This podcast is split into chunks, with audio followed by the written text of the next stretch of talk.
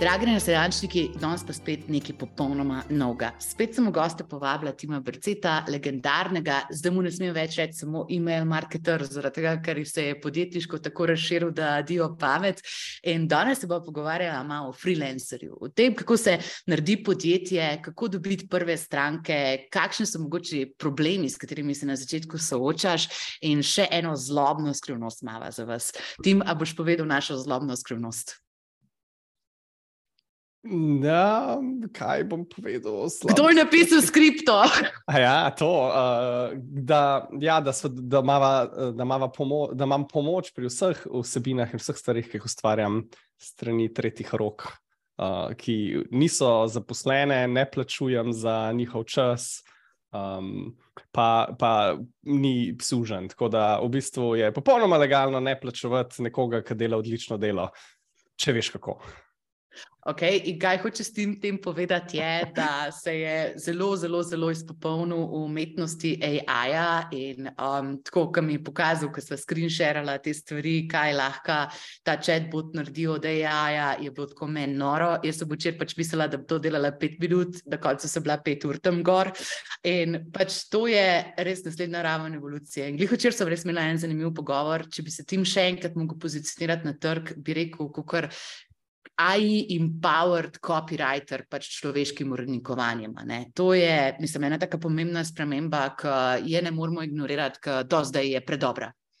Siguren, tako tehnologija tako hitro napreduje, da mislim, da tisti, ki ne bodo tega začeli uporabljati ta trenutek, bodo jih bo trg povozil. Ja, pa si tako kot tista gospa iz javne uprave, ki je šla v penzijo, zato ker se ni hotela računalnika naučiti uporabljati. Tako da ne. Le, jaz upam, da bomo mi na pravi strani zgodovine tukaj, le, ampak danes res ta osnovna tema, no, ki smo s timom reži zdaj cirka en mesec se pogovarjala, pač na naših prijateljskih srečanjih, je to, koliko pomembno je, da preskrbimo za svojo usodo, koliko pomembno je, da pač zdaj v teh zadevah, ki se vsi spreminjamo, pač tako trg, davki, vse te zadeve, da imamo kontrolo kontrolo nad stvarmi, ki se nam dogajajo. Tako da, cim, kaj je prvo vprašanje, ki ste ga videli s pomočjo tvojega robija oziroma AI bota napisala? Ja, v bistvu sem, ga, sem rekel, da ga vprašam, tako, kakšno vprašanje bi si nekdo postavil, če bi snemal podcast na to, na to temo. In ta prvo, kar je rekel, ne, je, da če bi začel od danes, od začetka, ne, kako bi se tega spet lotil. Mogoče je to neka dobra istočnica, istočnica za, za pogovor, ne, za najno debato. Tle. Pa le, prosim, kar začni, zaradi tega, ker pačsko popolno postavo, itek verjetno vsi poslušalci skoraj poznajo, pa se mi zdi, da imaš res tako lepo zgodbo za povedati, plus nekih par let mlajši od mene si, tako da izvoli, Flori, prostor je tvoj. Ok, kul. Cool. Um, skratka, recimo, če bi danes spet hotel, recimo, da bi bil spet star 24 let in bi iskal službo in sem poslal že ne vem koliko prošen okol in Um, me nobeni niti povabil na, na, na, na intervju, fun fact, that actually happened, in pol sem na srečo, na tako ali pa drugačno srečo, spoznal uh, Mateja, takrat, ko mi je ponudil svojo prvo službo. Ampak sem zelo hitro v bistvu se odločil, da bi pa jaz mogoče začel probo še freelancati on the side, kar je bila po mojem ena izmed najboljših odločitev, ki sem jih sprejel v svojem uh, profesionalnem življenju. Mislim, Zakaj? Da, Ja, zaradi, zaradi večjih razlogov, v bistvu. Prvič je zaradi tega, ker pač enostavno mi je povečal prihodke do te mere, da sem se končno lahko odselil, pa se svoja punca odselil najno prvo stanovanje, ne, tako da kupu, si, prek tega sem si lahko kupil tudi prvo avto, vse to, ne, kar je nekaj, kar mi po moje, da ne bi, ne bi, mislim, po moje, ne bi mi ratal, ker vem, ker sem ta prvič, ko sem odprl nepremičnine, pa si šel gledati mečke, kakšna je najemnina, pa tako me, ker kap se dela, takrat sem nekako v bistvu se začel zavedati, da tako single source of income res ni the way to go. Um, hkrati je pa v bistvu tudi se mi zdi neka ful večja mera samozavesti, ko imaš lahko v življenju, pa stabilnosti, s tem, da veš, da ne glede na to, kaj se ti zgodi, imaš zmeri neke vire prihodke, ki si jih lahko samo stvaraš. In to je po mojem, da ful empowering, hkrati pa tudi nek način, kako lahko v bistvu si zagarantiraš neko nek confidence, nek safety, nek safety net. Ne. Jaz osebno ful ne verjamem, da je služba samo, da je ena služba v bistvu nek safety net, pa to ful bo varna zadeva, pa ne vem kaj, ker v končni fazi. Ne, nek delodajalec te lahko odpusti, pa ja, pa se imamo v Sloveniji, pa nasplošno, precej dobro zakonodajo, pa, je, pa, so, delo, pa so delovci precej zaščiteni. Ne? Ampak dejstvo je vseeno, če te nekdo noče imeti v ekipi, verjeten povprečen človek ne bo full silu v to, da bo tam ostajal. Ne? Kar pomeni, da si zelo hitro lahko v neki poziciji, ki ne veš, kaj bi sam sabo, ki ne moreš dobiti nove službe. In takrat je zelo težko začeti razmišljati o tem, kako se iz te luknje ven povleči. Ful je bolj efektivno, če imaš ti v bistvu že nekaj, um, ne, ali redne prihodke, ali služba, kako koli, ne pa da imaš neko ustaljeno življenje, pa potem pri tem si probaš iz, nekega, ne vem, iz neke pozicije moči v bistvu iskati, iskat pa si graditi nove priložnosti. Um, to je meni freelancing v bistvu omogočalo. Um, to je bila ena stvar, ne, čist, čista uh, finančna osvoboditev. Ta, dru, ta drugi aspekt je bil pa tudi to, da me je v bistvu to potisnilo v fulenga učenja, pa fulenih novih stvari sem spoznal, ne, pa sam sebe sem nekako prisilil v to, da sem mogel konstantno napredovati v svoji karieri. Ne. Ni bilo več dobro, da sem znal samo vem, pisati kopije specifične za suplemente, pa za, vem, za uh, hujšanje, pa vadbe, pa tako naprej. Ne. Ampak sem kar nekaj mogel se, okle, pa zdaj še e-commerce, pa je tukaj toliko različnih enih podjetij, pa um, toliko enih različnih produktov in sem se konstantno mogel učiti nove stvari, ne pa nove tehnike, pa stvari, ki niso delovale, uh, recimo v čistem direct response funnelih, ne, pa so full dobro delovale, recimo sploh branding, pa recimo kakšne um, brand copywriting in tako naprej, ne, stvari, k, s katerimi se dejansko nisem do tiste točke nič ukvarjal, um, mi je pa v bistvu to full pomagalo, da sem lahko napadal čisto ene druge teme, pa začel v bistvu sebe kot uh, profesionalca full hitrej razvijati. Ne. Tako jaz mislim, da to sta tako neka dva taka res velika benefita freelancera in zakaj jaz mislim, da bi basically čisto vsak mogel to narediti. Pa ja, verjamem, da mogoče še en uh, delodajalec, ko zdaj posluša, to ne bo najbolj happy, ampak iskreno si mislim, da tudi, um, tudi zaposleni, ki imajo ob strani, ki vlagajo cajt v razvoj sam, uh, svojih skillov, um, so boljši, so, so boljši od ostalih. Um, mogoče to pomeni, da ne bodo toliko časa ostali v podjetju, ne? ampak hkrati pa mislim, da v tistem cajtu, ko bodo, bodo pač toliko več dodane vrednosti pripeljali. Meni je bilo noro, tako si rekel, ta eksponentna krivulja učenja. Točno to je bil tudi razlog, zakaj sem šla na svojo pot, ker sem bila živčna. Če smo nekaj dobrega naredili za eno podjetje, zakaj ne bi to naredili še za 20 drugih podjetij? Pa zdaj ne rečem, da so bila to konkurenčna podjetja med sabo, pač to higieno in tako vedno paziš. Ampak tisto, če mi je enkrat nekaj uspelo, zakaj bi ta dar egoistično samo za to konkretno podjetje naredila, zakaj ne bi tega naredili 50, 100, tisoč drugih podjetij. In tukaj sem pa jaz začela razmišljati o eskalaciji znanja in tega, kar v naši panogi v resnici zelo hitro zastarija. Ker, naprimer, mi imamo skupno izkušnjo, kako se dela Kickstarter kampanje. Pač tako, ja, lahko bi naredili sam zase in pol pač tako v tonil tam v pozabo, kako se to dela, lahko pač iz tega narediš skupnost, lahko iz tega pač narediš mentorske programe, ki pomagajo še naslednjim stotim podjetjem. In tukaj mi pa ena stvar, ki mi je pa zelo pomembna, sploh v teh poslih, kot je naj in v storitvenih poslih, a znaš narediti stvari. Ne Ponavljajoče, ampak ponovljive. Se pravi, eno stvar, ki si jo rešil, a je ta tvoj sistem, ta tvoja metoda aplikativna še na potencialno 100 tisoč drugih podjetij. In tukaj sem prišla prvič v te točke v življenju, ker sem jaz svoje možgane čutila, da smo scalable, da pač ta stvar, ki jo jaz delam za službo, takrat še, da je relevantna za toliko večjo občinstvo. In jaz, vse, kar sem ratala, je strašansko živčna, strašansko anksiozna, da imamo predobra znanja, da jih ne bi delili. Pa je bil pa še temna stran tega je bil pa impostor sindrom. Je bilo pa tisto, a veš, kako, ok, pa jaz sem to naredila enkrat, a je možno, da bo pač res to vsem ustrezal, ali ne vem, se mi je mogoče pa posrečal, ali sem bila v pravem času, v pravem mestu, a res imam to, ali mogoče pač sem neka anomalija sistema. In tukaj osebno sem rabila čist preveč časa tem. Pa če sem rabila tako pet let, da se sama pri sebi pomirim, da to, kar delam, je ekstremno dobro in globalno konkurenčno. Ker ne vem, no, mislim, a je to naš socialistični blueprint, kako smo bili vzgojeni, ampak kada nočeš izstopati iz povprečja. In pri takih karakterih, kot so mogoče mi dva, kot so mogoče naši poslušalci, ki mogoče že 20 let delajo v eni panogi, pa vejo, da so brezhibni, pa vejo, da so naredili vse tisto, kar je bilo treba narediti.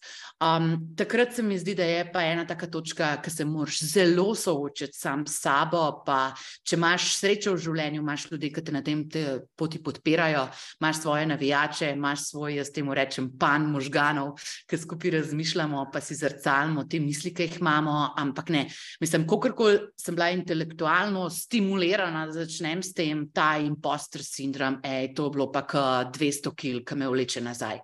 Ja, to je po mojem, da ta prva zadeva, ko vsak ga ostal pred, pred točno tem. Se mi zdi, da fulkrat, recimo te ljudi, ki jih jaz vidim, da so res uspešni, jih je nekako na tak ali pa drugačen način jih je usoda prsila v to odločitev. Ne? Niso imeli druge opcije. In zato, ker niso imeli druge opcije, so mogli začeti postavljati svoj, svoj oseben biznis, ne? pa freelance in tako naprej. Ne? Tako da mislim, da, da sploh za ljudi, ki so v neki poziciji, ki jim je dosto udobno, pa ne vem niso nekako prisiljeni v to, da bi napredovali, se je zelo težko motivirati, ne, da, da dejansko sprejmejo to odločitev, pa pušajo stvari naprej. Tako da, klej se mi zdi, da v bistvu je tako v glavnem.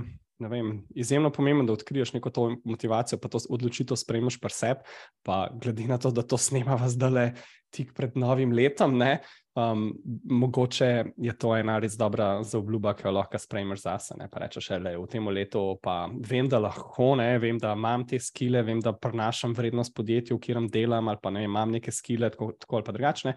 Da začneš, ne vem, se, se sprejmeš to odločitev, pa rečeš, hej, veš, kaj pa hočeš imeti na naslednji korak. Ne. Ker to, kar si ti umenila, ne, recimo zdaj, že samo produktiviziranje, pač neke svoje storitve, to mislim, da je pa potem dejansko naslednji korak za freelancanje, ne, ki, ki recimo že ok, sem v nekem podjetju začel, pa niso, ne, ne tako pomembno, ampak so začeli odkrivati, da so neke določene stvari full repeatable, ne, da lahko ponujajo to več različnim podjetjem. Je pa potem po mojem, da naslednja evolucija za take ljudi, pa da se spremenijo iz freelancerjev v offer ownerje, kjer pa dejansko potem to začnejo zapakirati ali v neke konkretne rešitve, SaaS, SaaS rešitve ali pa recimo specifično kot online kurse ali pa produkte, ki jih razvijajo. Ne. Tako da mislim, da tukaj je neko tako sosledje, ampak se mi zdi, da če res hočeš priti do te zadnje točke, je ne, mogoče freelancing, pa to, da, da vidiš, da tvoja rešitev deluje pri več različnih podjetjih, res en ključen korak. Ne. Ne, absolutno ti mi hvala, ker si mi dal to gledalo nazaj. Mogoče sem našla 50 korakov prenaprej, ampak sem hotela sem povedati, da moja začetna motivacija je bila to, če lahko to naredim za enega, zakaj ne bi to naredila za 100 podjetij. Pač tako, to, to me vznemirja, to mi je ena taka stvar, ki mi je nora, ki bi jo rada naredila. Ampak čistko, mislim, če se še enkrat dotaknem impostor sindroma, ker res pač tako, jaz sem rabila tako kritično maso ljubezni, toliko potrditev, potrditev iz tujine, potrditev od ne vem česa, da sem lahko šla čez to. To, kar pa jaz osebno hočem dajati svetu, pa je samo to sporočilo, da rece mej, pač tako zaupi vase, naredi se znam tistih stvari, v katerih si res dober. Vpraši svoje ljudi, mislim, svoje pretekle klijente, sodelavce, kogarkoli za feedback in pač tako preden se. Ti ne pomiriš z dejstvom, da se imaš rad in da si ureden nečesa in da si dober, boš zelo težko to prepričal trg, da pač to rabi in da je to res. Tako da meni sprememba se je začela na oznoter in jaz ful nisem spiritualna oseba, res pač tako ne, ne, ne. Ampak to je bila pa ena taka stvar. En takšen pogovor, ki sem ga mogla imeti sama s sabo, pač kot bi rekel, RuPaul, if you don't love yourself, who the fuck is gonna love you? to, tako se je vse začelo. Jaz se fulj strinjam s tem. Jaz mislim, da, da je realno ta prva zadeva, pri vsakem takem procesu, pri taki poti, je to, da se imaš sebe rad, hkrati pa tudi, da se mentalno pozicioniraš, kot da si bulletproof. Ti si največji BDS, največji, ne vem, tako največji mojster v svoji temi, noben ti ne bo rekel, da ti nisi dovolj hud. In če razvijaš tam to mentaliteto pri sebi, um, mislim, da imaš predvsem veliko boljše šanse za uspeh. Pa da boš časov potem tva, ta svoj cilj. Veliko bolj uneto, kot bi, um, ne vem, drugačne. Pa, ne vem, pa boš prvič dobil nek negativen feedback, pa se zaradi tega potem že tako nazaj povlečeš. Pa to, pa to je res brez veze, ker jaz sem imel tudi veliko negativnega feedbacka v svojem življenju, pa nisem pustil, da me je to zaradi tega, vem, da sem se zaradi tega ustavil ali pa hotel delati na tem, kar si želim. Ne. Tako mislim, da ful pomaga, če tako že po defaultu. Um, vem, imaš mogoče mečken več ega, ne? da si pač bolj samozavesten, pa sam pa se, pa si znaš to že zdaj reči. Um, če pa nimaš, je pa to neka zadeva, ki se mi zdi, da jo mora vsak začeti razvijati najprej. Ne? Še preden se odloči, še preden se odloči, recimo, svoj free, razvijati svoj freelancing biznis, pa to ponujati drugim ljudem, je to, da ti pa sebe sprejmeš, da si good enough. Ne, in, da, in da rasturaš, in da lahko to narediš, in da si zmožen tega, ker če že sam ne verjameš vate, nobena druga stranka ne bo verjela vate. Noben te ne bo najel. Ne, to, to je zelo dober point. Ne, dobro povedano. In pa, pa spet pridemo k enemu drugemu modelu, ki si ga ti v bistvu že fantastično razvil. Pa jaz tako v šali rečem včasih, da je to ikagaj, oziroma pač takšen preseg tega, v čem si dober, kaj trg hoče, kaj ti rad delaš in ne vem, zakaj te plačajo. Ne vem, če si ti ta model razdelil že naprej. Ampak tako včasih, a veš, tudi pride do te situacije, ki si rečeš, wow, full be freelancer. Ampak jaz res nimam pojma, kaj bi prodajala. Ja, to, to je po mojem, da ta prvi korak. Ampak to je, to je ena stvar, ki sem se jaz recimo naučil specifično iz copywritinga. Ker sem tolikrat sedel pred praznim listom papirja, ne, okay, ne listom, ampak eh, Word dokumentom, oziroma moj oseben Google Drive dokument. Ne, in nisem vedel, kako naj začnem neki noga, ne, iz čistega skreča, iz kje bom dobil stvari. In kva sem jaz odkril, je, da v bistvu, kadarkoli si stak na neki taki točki, pa ne veš, kako bi nadaljeval. Če si vzameš cajt pa narediš res nek in-depth research tega, kar hočeš doseči. Kaj recimo trg že ponuja, ne? kakšne cene imajo, ne? kakšne storitve. Um, če pogledaš vem, ljudi, ki si želiš, da bi bili tvoji konkurenti, potem mislim, da dobiš ful bolj jasno sliko tega, kaj hočeš doseči, pa kam hočeš iti, pa kaj te bo nekako pripeljalo do tiste točke. In um, ne, zato, zato zmeri pravim, ne, če, če kadarkoli hočeš pisati, recimo, neki, neko sporočilo, pa ne veš, kaj bi napisal, je to, imaš ne, tako, tako imenovan writer's block, ne, je to v bistvu izključno zaradi enega razloga in ta razlog je, da nisi upravil dovolj globoke raziskave v temo, ki jo hočeš pokriti. Tako da, če ne veš, kaj bi ponujal, je ful dobro, da si pogledaš, pa se inspiriraš od ljudi, ki so že na trgu in že nekaj delajo. Ne? To je po mojem, da ta prvi, ta prvi korak. Pol po tem, ko sprejmeš neko odločitev, sam pa sebi, da bi šel, pa da bi ja, da bi to delal, pa da si good enough, in tako naprej.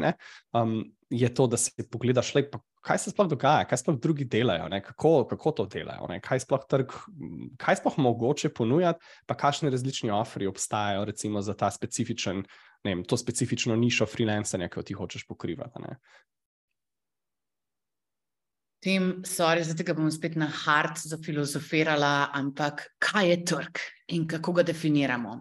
Ali je trg, ne vem, ljudi v Novi Gorici, ki se ukvarjajo s proizvajanjem luči, ali je trg cel svet, ali je trg, ne vem, pač tako pet firm v Dubaju, ki dela Facebook advertising, kako opredeliš trg oziroma to svojo prizmo. A veš, klele mogoče tudi pač spet malo slovencelstvo, tisto, ja, pa jaz ne morem zračunati tok američan za svoje storitve, a pa pač tako, ja, le, moja mama zasluži tok pa tok, mislim, kako naj jaz tok zaslužim v eni uri. Pač te čudni bajasi, ki jih imamo v glavi, mislim, jih priznavamo, nas pa uverajo, zato da bi jih radi razrešili. Vprašanje je, kaj je trg. Tukaj, tukaj bo moj uh, FDV-jevski duh prišel ven, ker imam dovolj kolegov iz ekonomske fakultete, ki me verjetno zdaj le postali pred steno povstrelili, ko bodo slišali, kaj, o čem bom jaz govoril. Ampak meni osebno kot marketingaš je to čisto simpel, koliko povpraševanja je in koliko ljudi, eh, skratka, koliko ljudi je, dejan, oziroma če še bolj posimpliciram, koliko ljudi je, obstaja na tem planetu, ki so pripravljeni plačati um, ceno za tvojo storitev, um, ki jo pač ti ponujaš. In jaz mislim, da ja, trg je lahko tudi sam pet podjetij v Dubaju, če pač imaš toliko drago storitev, da ti veš, da boš po servisu teh pet strank in ne rabiš več ničesar drugega v svojem lifeu početi. Um, hkrati si pa mislim, da tako za. Klej mogoče če greva še en korak nazaj, ne, se mi zdi eno ful pomembno vprašanje, s katerim se folk ful sooča, pa potem v bistvu, ka, ka, pa je potem mogoče to glavni razlog, zakaj se ne lotijo postavljanja svojega financing biznisa. In to je. Na trgu ne, moj, obstaja že ogromno ene konkurence, ljudi, ki res rasturajo to, kar bi jaz rad delal, ne, in meni se ful ne splača potem tega v bistvu ponuditi kot storitev. In to je po mojem mnenju tako ful, ful, ful, ful, ful velik bullshit. In totalno ni res, zato ker trg je čistko. Ljudje smo 99% ljudi, proti katerim tekmuješ, so prvič totalno leni in se ne da delati. Tako da, če, že, če samo ustaneš, pa narediš nekaj na tem, si že boljši kot velika večina. To je moje prvo mnenje, ful pomembna zadeva. Ta druga zadeva, ki pa se moraš zavedati, je pa to, da tisti, ki so hudi, nimajo cajta sprejemati novih strank. Ne, če si ti hud, imaš si fully booked in ti nimaš cajta sprejemati novih strank, tudi če so dobri deli. Kar pomeni, da v resnici sploh ne tekmuješ proti toliko velikemu kosu ljudi, tudi v najbolj nasičenih nišah. Tako da, če, po, po mojem mnenju, kako bi si jaz, če bi šel spet od začetka, zbiral neke niše, je tako, da bi pogledal, kje obstaja ogromnega povpraševanja in ponudbe, in bi prek tega rekel, ok, le tukaj obstaja nek market, ne, kjer, lahko, kjer lahko tudi jaz ponujam to svojo storitev. In pa bi se vprašal, ok, kaj je tisto dejansko minimum, ki ga moram dosegati. Ja, pač moram biti pripravljen zjutraj vstati, moram biti pripravljen zjutraj narediti nekaj, ne, ne samo gledati Netflix. In potem, uh, in potem basically že ta del je dovolj, da si boljši kot večina, in potem tu iz tukaj naprej nadaljuješ. Ne. Ampak to je po mojem, da. Tudi malo manjce to vprašanje, ampak klik za to se mi zdi tako pomembno, da folk ve, da tvoja konkurenca je lazy as hell. Um, če, če se tega zavedaš, um, pa potem, ko daš eno, dvo, eno dve, tri, štiri, pet strank uh, skozi, vidiš tudi, da recimo omejitve pri tem, koliko se ti plača, obstajajo v bistvu samo v tvoji glavi, ne pa pri dejanskem trgu. Ti lahko v bistvu za vsako banalno storitev, ti lahko za nek logotip, če si dizajner, ti lahko za nek logotip računaš 5 evrov ali pa 50 tisoč evrov. In to uh, je vezano na dve stvari. Valjda, nekaj izkušnje, pa to, ki jih imaš, ampak predvsem niti ne toliko izkušnje. Ampak uh, na tvoj skill level, kako si pripravljen dejansko um, uh, vlagati v, v razvoj svojih lastnih skillov, pa da druga zadeva je tvoj confidence um, koliko si ti dejansko confident pristopa do ta pravih strank, ki te, te bodo sposobne plačati cene, ki jih ti pač, um, za katere ti, si ti želiš delati. Tukaj se mi zdi pa, da je glaven issue. Jaz, ko, moje mnenje ni, da. Tako, največji, tudi, tudi pri agencijah je ista druga situacija. Um, največji problem pri plačilu, ne, pri, pri, pri tem, koliko agencij ali pa freelancerji računajo za svojo storitev, um, dejansko niso niti one same ali pa storitev, ki upravljajo, ampak so samo stranke, ki si jih izbirajo. Ker ti imaš lahko najboljšo storitev na svetu, pa če, hoč, pa če si izbiraš napačne stranke, te, te stranke nikoli ne bodo plačale um, ne vem, neko soto, ki jo ti iščeš. Zato na mestu tega moraš konstantno gledati. Uh, podjetja, ki pa so pripravljena vlagati, uh, ali pa posameznike, ki so pripravljeni vlagati, pač toliko več, kot ti, ti želiš računati. Na prepričljivo osnovo. Ka, ja. Tako kot si ti rekel, mislim, jaz obožujem, obožujem tvojo misel in tako par zelo močnih istočnic, da v tukaj le noter, tako kot je mindset, naprimer, pač če mi razmišljamo, a mislimo, vem, če ima tim eno stranko več, da bo imela jaz eno stranko manj in da se vsi bojimo za isti denar na trgu, pač to totalno ni res. Mislim, tudi ta sodelovanja, ki jih delamo, mi pač strmimo vedno k ustvarjanju dodane vrednosti. In to, če imaš ti en cent več, ne pomeni, da bom jaz imela en cent manj. To mi je ful pomembno, da povemo, ima sedemkrat na leto, zaradi tega, ker ja, mogoče zaradi zgodovinskih razlogov tukaj v Sloveniji se še mečkam bolj tako obnašamo in tudi na zelo takih, jaz rečem temu, rdeče oceanskih trgih, kot je naprimer SEO, kot je pač tako copywriting, iz katerega ti izhajaš, pač tako growth hacking je kao mlada disciplina, čeprav imam svoje pomisleke na to temo.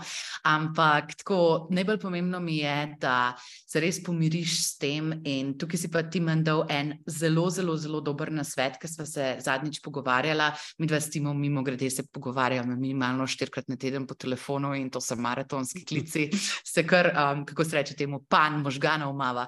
Um, tako, kako se sploh soočamo z idejo konkurence. Mislim, to, da nekdo dela nekaj podobnega kot ti, ni nujno slaba novica za te in te ne sme odvrniti od tega, da bi naredil akcijo. Pa ti jaz ne morem povzeti tvojih besed tako dobro, kot bi lahko ti sam povedal, kaj bi to tvoje sporočilo. Um, jaz mislim, da konkurenca je na splošno najboljša zadeva, ki jo lahko imaš na trgu. Uh, se mi zdi, da tako, vsaj iz mojih Kickstarter vod, se ful spomnim, ful enih inovatorjev, ki so probali odkrivati nove marketplace, pa delati izdelke za ljudi, ki jih v bistvu ni. Ne? Skratka, ti nočeš nikoli sestavljati ponudb na trgu. No, ne bom rekel nikoli, ker to tudi ni fair, ker drugače nikoli ne bi prišli do inovacije. Jaz mislim, da je neko mesto za inoviranje in za odkrivanje novih trgov, samo se mi zdi, da ko si nek mlad freelancer ali pa nekdo, ki je na začetku svoje tudi podjetniške poti, um, da to ni nujno najboljša odločitev za te pa, lej, lej, lahko, pa tukaj imamo lahko nek argument o tem, ja, pa, pa Steve Jobs ne bi nikoli prišel na sceno, pa Bill Gates ne bi naredil tega, ker je naredil, pa tako naprej, ne, bla, bla, bla. Pa se strinjam s tem, samo se mi zdi, da če pogledamo statistično, ne, um, pa rečeš, ok, kaj zdaj tista najboljša pot za me osebno, ne, ker mogoče nisem Steve Jobs, ker nisem Bill Gates, ker nisem nekdo, ne, lahko jaz, kako lahko si jaz najbolj zagarantiram uspeh. In to je tako, da si vedno izbereš storitev, ki ima že zdaj ogromno konkurence in hočeš delati v marketih, ki ima veliko konkurence, ki pa je tudi veliko povpraševanja in je veliko strank. In teh strank ne zmanjka, tega je tako res veliko. Sploh recimo, ne vem. Na tej točki pač tokrat slišim te argumente, da, ja, da zdaj imamo pa agencije, ki listja pa trave, pa tako naprej, sploh v Sloveniji, ampak so what, tako market je tako freaking ogromen, vsak nov dan pride toliko enih novih, eh, toliko novih ljudi, hoče odpreti svoje nove trgovince ali pa ne vem kaj. Ti lahko res ogromen ljudi servisaš. In ja, mogoče je nekih, ne vem. Triple gigantskih podjetij, omejeno na na tem svetu, ampak tudi te, ne, prihajajo konstantno nove, ali pa menjajo stranke, in tako naprej. Ampak, tako, če gledaš pa nek long tail, je pa, te, je pa tega tako veliko, da v resnici um, ti ne more na tej točki, ne more še zmanjkati stranka, ne, ker market še vedno full raste. Ne, to je ful dragoceno, pa zdaj vem, da jaz pač tako tvojega robija mal sem preglasila, nekaj je naredil svoje vprašanja, jaz še vedno grem tukaj po svoji pameti naprej na nek organski razvoj pogovora, tako da boš ti povedal, če je bil boljši robi, jaz sem bila boljša jaz, ampak uh, v vsakem primeru tako zanimiva Zanimiv aspekt, ki si ga poudaril, je tudi, ko začenjamo. In tukaj imaš spet eno ful dobro prakso, da pač ljudje se preveč pogosto zaciklamo v ta mislim, jaz rečem temu zajčja luknja znanja. Da, naprimer, da ti, da boš neki delu, da moš, ne vem, se pol leta izobraževati na to temo. Ali pa po drugi strani, da, ne vem, če nimaš pet referenc na tem področju, pol pač tako ne moreš iti na market, pa karkoli tasga. In Kles mi je povedal en koncept, ki je bil meni res tako v nulo všeč, koncept 20 ur. A bi ga lahko, prosim, delil? Ja, valjda, pa to lahko kar direkt povem, da to vsi, ki poslušate, pejte prebrati knjigo Geoff Kaufmana, The First 20 Hours, ker on full dobro breaka down sistem, kako se lahko naučiš, uh, oziroma bom njegove izraze, njegov, njegov izraz uporabo, postaneš presenetljivo dober v čemarkoli v prvih 20 urah. In teh 20 ur, če ti znaš pravilno vložiti svoj cajt, pa svoj effort v razvoj nekega specifičnega skila, lahko noro dober rataš v tem skilu v samo 20 urah. In to res ni velik. Um, sicer ne moreš vseh 20 ur naenkrat upraviti, kadarkoli vadiš neko zadevo, je ful pomemben to, in to tudi v knjigi Fulabr razloži, je pomemben ta cikl spanja in učenja, ne? tako da ti ne moreš deset ur se učiti en dan, iti spat, pa naslednji dan se deset ur učiti, pa postati mojster. Ne? Ti rabiš konstantno full uh, ciklat spanje, pa spanje, pa effort, uh, struggle, pa effort, ne tako kot prav. Ampak v resnici lahko ti v, v 20 urah lahko ti razvijaš storitev tega in, in svoj portfelj do tega nivoja, da lahko si poiščeš svojo prvo stranko. Um, kar pomeni, da ti recimo ne veš nič o eni specifični temi, greš skozi njegov proces, ki ga lahko pišem, drugače, ker je po mojem, da tako genijalen. Um, in pa v bistvu na koncu teh 20 ur imaš hkrati in portfelj, ne? nekaj, kar pokažeš ostalim ljudem, kaj si, če si ti sposoben, in hkrati tudi skile, da deliveraš na, v bistvu na neki obljubi, ki jo ti daš svojim strankam. Ne? Je pa pomemben tukaj, da se nekako um, On ima, on ima v bistvu eno vajo, skozi katero lahko se pogovorimo o tem, ali pa tudi nekaj, po mojem, da ni to bistveno, ne, ker je bo, mogoče bolj point bistven. In point je, da če se ti zavedaš tega, da imaš samo 20 ur, da se ti naučiš nek nov skill, ki ga zaenkrat pač nimaš, moraš to breakati down na svoje sestavne dele, toliko zelo, da najdeš nekaj znotraj te. te um, tega skila, ki bi se ti rad naučil, kar je sploh možno se naučiti v 20 urah. Ne? Jaz, recimo, ne, pač zaradi tega si misliš, ok, jaz hoč, recimo, če bi rekel, da mladi tim hoče biti copywriter. Ma to ne pomeni, da bom jaz zdaj se usedel, pa bo začel študirati. Kako pisati maile, kako pisati oglase, kako pisati landing page, kako pisati VSL. Ne bom, ne. Pač to, tega se ne moreš naučiti v 20 urah. In to je polleten proces, to je večleten proces. Sigurno, ne. Pa, pa itak na, do napredka, do, napredek mora biti konstanten. Ne. Ampak kar pa lahko narediš, je pa rečeš, ok, lej, poslušaj, jaz se lahko v 20 urah, pa se lahko naučim. Lahko se naučim uporabljati ne vem, nek program za pošiljanje mailov lahko se naučim pisati eh, ne vem, nekaj osnovnih mailov, recimo, mogoče se lahko naučim napisati um, res dobro sekvenco za kart abandonment, ki jo lahko potem tudi kot offer ponujemo vsem ostalim. Um, lahko se naučim nek basic design v tem cajtu, tako da znam te maile vsaj malo zoblikovati in to je to. In to v 20 urah naredim, se naučim vse te stvari, hkrati to naredim na parih eksemplih, ne si zmislim, da delam za neko podjetje v svoji lastni glavi, rečem jaz zdaj, zdaj delam za Magic Spoon, zdaj delam za Tesla, zdaj delam za ne vem, Vigo Shop, kakorkoli narediš te eksemple mailov in to je tvoj portfelj. Ne? Ti imaš potem že takoj nekaj za pokazati ostalim ljudem, ostalim strankam, ki boš prav če rekel, ja, le tole lahko jaz naredim za vas in to tako zgleda. Vem, enkrat, sem, enkrat, enkrat se spomnim. Samo eno vprašanje, tu bo tim, kako jaz lahko pridem do, do svoje prve stranke, če nimam portfelja. Jaz, jaz osebno si mislim, da je to tako najbolj butasta stvar, ki jo lahko rečeš, ker če nimaš portfelja, pa to pomeni, da nisi nikoli niti probo vaditi skil, ki ga hočeš ponuditi vsem ostalim. In logično, da noben ne bo hotel najeti za to, ne? noben ne bo hotel delati s tabo, če nisi še niti pol ure cajta vložil v to, da bi ti razvil en ta skil. Če si pa ti 20 ur delal na tem, pa recimo po Joshevem sistemu, um, ti v bistvu zapraviš minimalno časa na teoriji, pa maksimalno časa na, na praksi, in imaš teorijo samo zato, da, poišč, da v bistvu odpraviš blokade, ki jih imaš na poti prakse, ne, da poiščeš odgovore na konkretna vprašanja, ki jih imaš. In če ti v bistvu večino tega cajta preživiš um, in, in, v, v vaji, ne, pa imaš konstantno prakso, potem v bistvu vsak kos prakse, ki ga ti upraviš, vsak eksempel je že kos tvojega portfelja. Ne.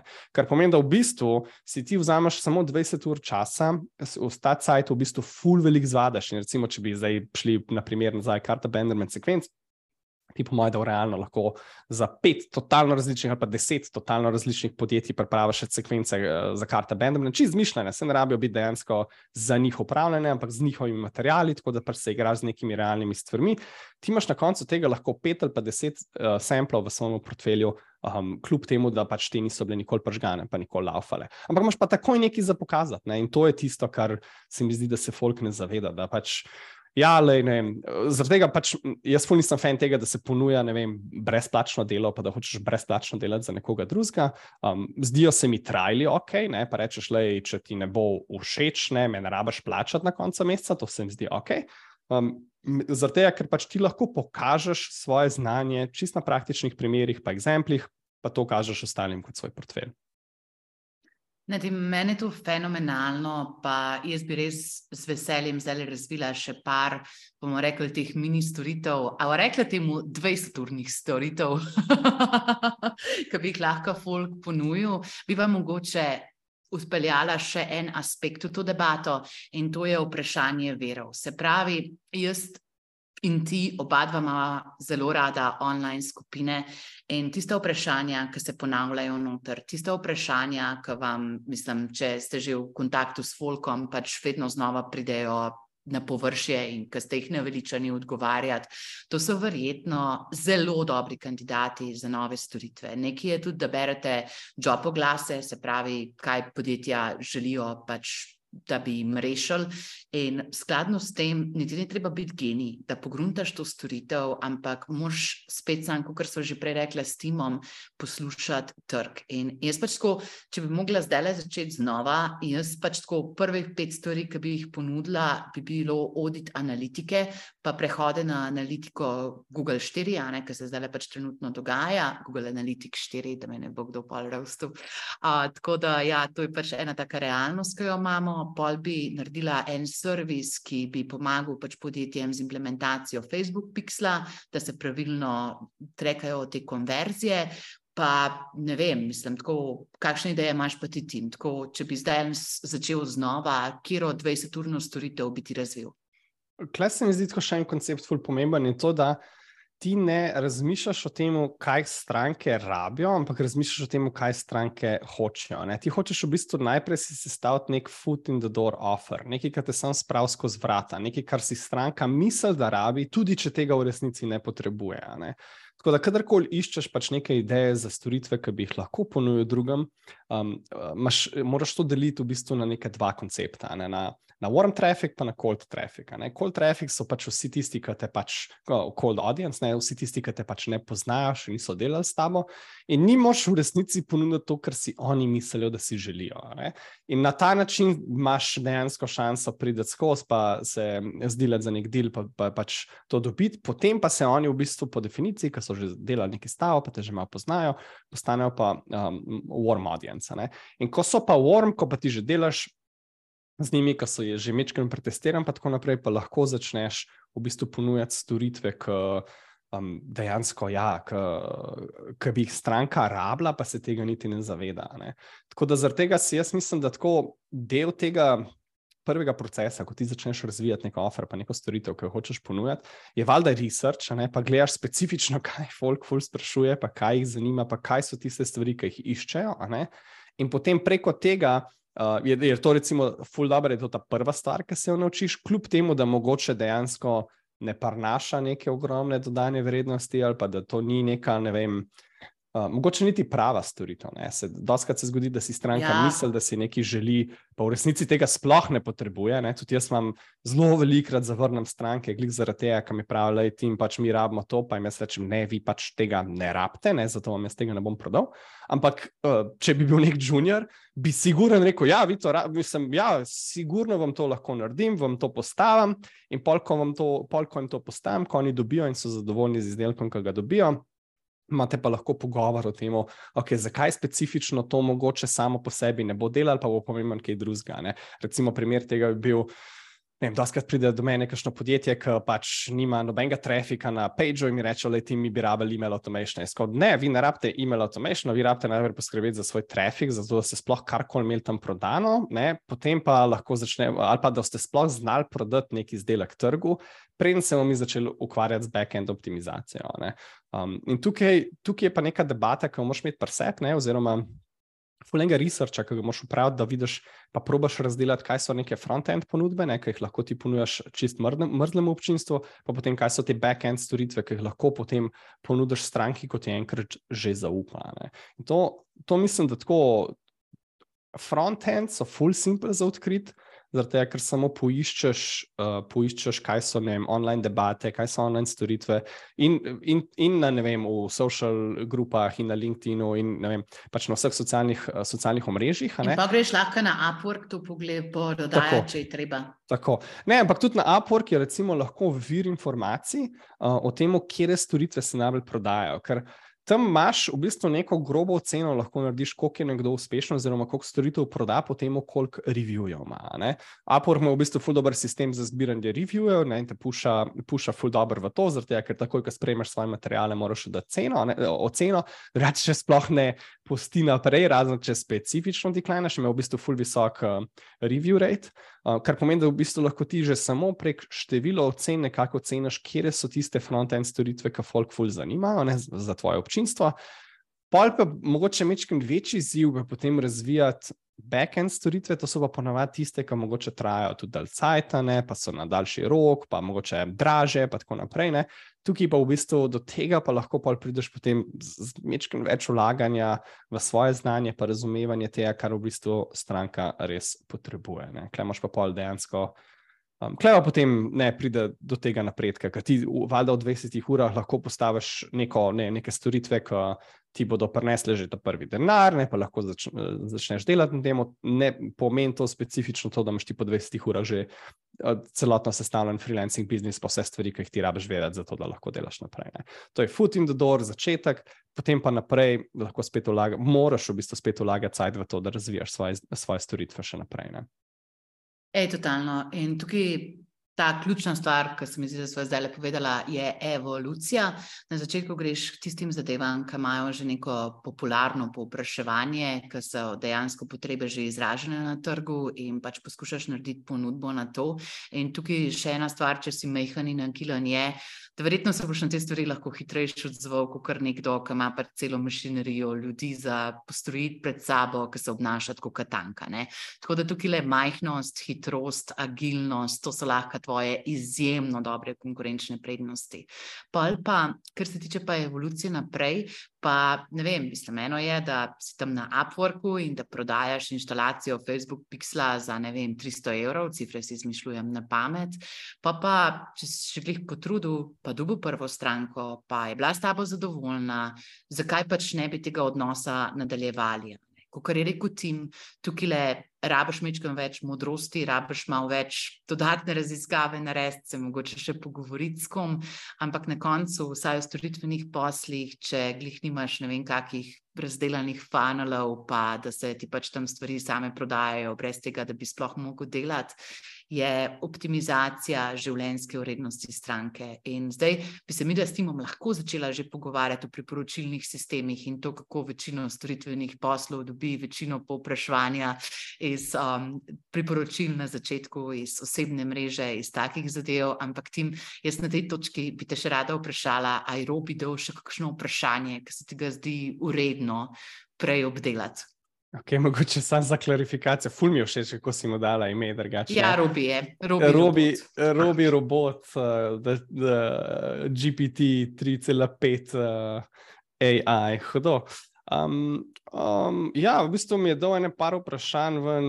Um, je v bistvu ena izmed vprašanj bila, kaj mogoče uh, zanimiva, ne, kako sploh, uh, dve je mogoče taki, ne, kako si poiščeš stranke, ne pa kako določaš ceno svoje storitve.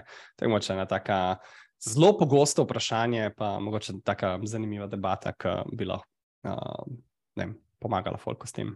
Ja, super. In tukaj mislim, da se je tudi genialno že dotaknila tega v prejšnji stvari, ki smo jo razlagali, se pravi to pravilo 20 ur. Um, jaz pač ne morem prehvaliti družbenih omrežij, skupin, to, da si del skupnosti. Jaz pač res Kjer koli storitvenim biznisom sem delala v življenju, še posebej, če je začel pač tako na lokalni ravni. Prvo ti je 70% strank prišlo iz priporočil in iz tistih ljudi, ki jih že poznaš. Eni genialci so pripravljeni svojega bivšega delodajalca že potisniti v stranko, kar je super, kar je res prečko, veš, nekaj tazga, ki si ti že naredila in itak veš, kako se to, um, kako biznis poteka in zakaj ne, zakaj ne. Tukaj lahko samo več prihodka narediš, to se mi zdi super strategija. Pol pač jaz, mislim, sem imela res tisto neslavno anegdoto, kako sem poklicala 50 ljudi in sem jedla tudi po dve kosili na dan, če je bilo treba. Pač jaz sem se dobila z vsemi in vse vprašala, pač tako, a poznate koga, ki bi rabo pomoč na tem področju. Zdaj, za spletne strani, pa za družbena omrežja, jaz na začetku nisem preveč komplicirala. Meni se je zdelo najbolj pametno, da jaz delim te kaj stadije, te zgodbe o uspehu, ki smo jih imeli, in da tukaj v bistvu dokumentiram svojo pot, svoj proces, da potem dobim tudi priporočila od obstoječih strank in se je stvar razvijala naprej relativno organsko. Ampak tako, če bi zdaj mogla narediti presek, naprimer, da obstaja 19 potencijalnih marketinških kanalov po Traction Booku in kjer tri so meni na začetku najbolj dobro delovali, eno so bila priporočila, drugo je bil ta value posting oziroma generiranje organskega konta na družbenih omrežjih, in tretjo so bile partnerstva, ki zelo, zelo, zelo hmal, tisto, kar sem jaz delala, pač se smo se že velikokrat pogovarjali, da me je tujina prej sprejela kot Slovenija, Hvala, Slovenija. Zdaj smo v redu, zdaj ni več tega grinda.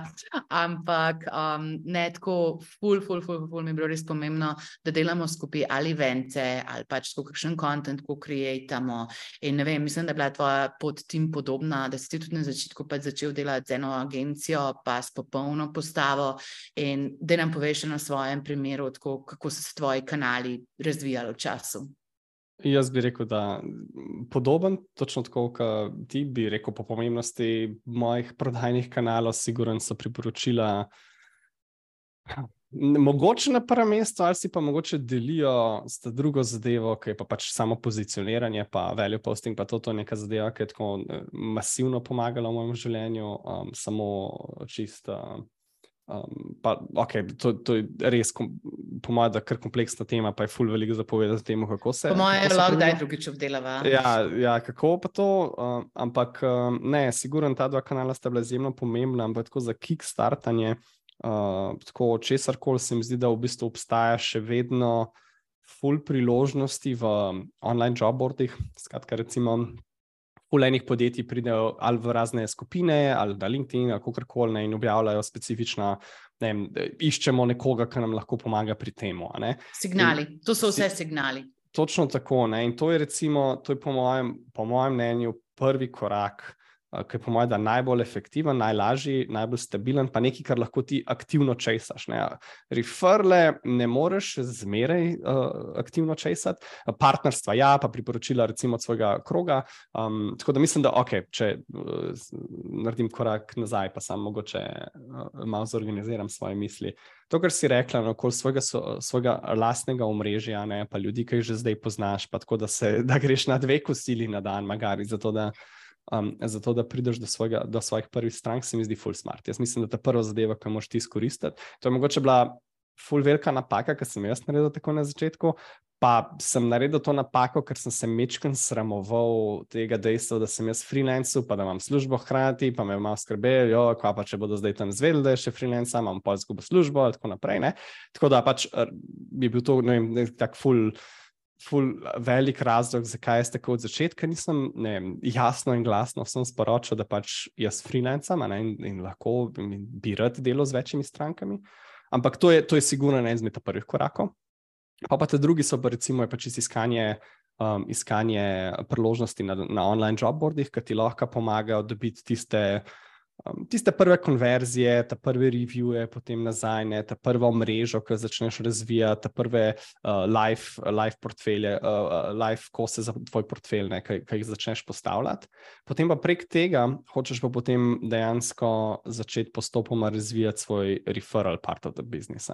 Ker se mi zdi, da freelanceri živimo, pa umremo iz naših lastnih revijev, uh, naših lastnih uh, referralov.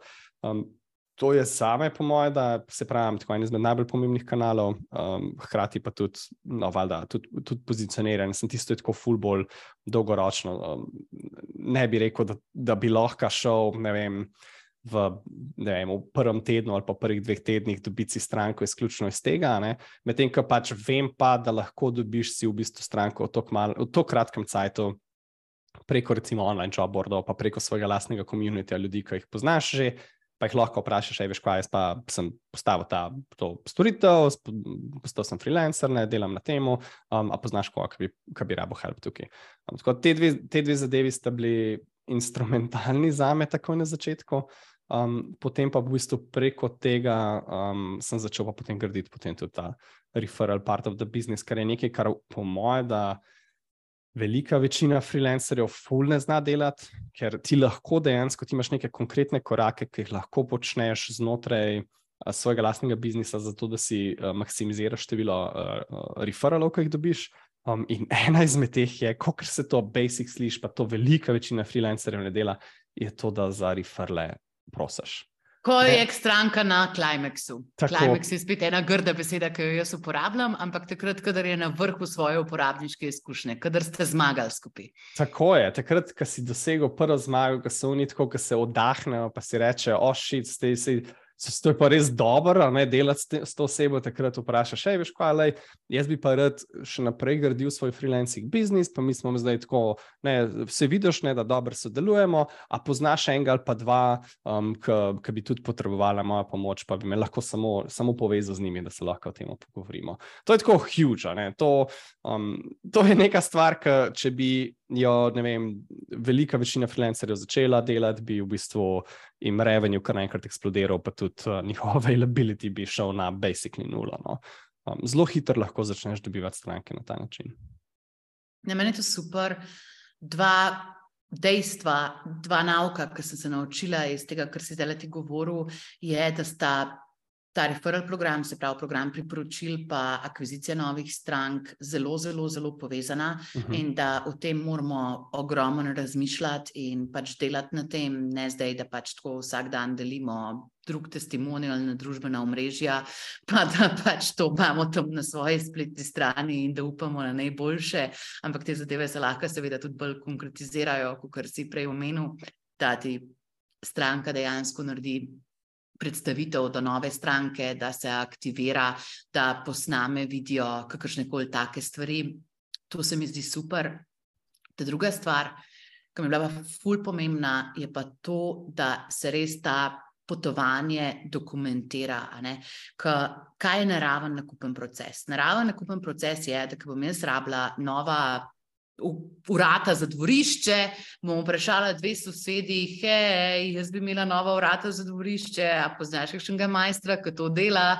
In žal isto, a pa žal, pač tako je, tako jaz mislim, da je, isto delamo v profesionalnih storitvah. Se pravi, jaz, ok, nekaj sem videla, da se je začelo dogajati tam na TikToku, hej, a poznaš koga, ki dela TikTok. In tukaj je pa ta izziv frekvence oziroma to, kar imaš ti pojavnosti ali na družbenih omrežjih ali v kakšnih drugih medijih, se pravi na, bomo rekli, temu občinstvih, ki so sicer v lasti nekoga drugega. Ne?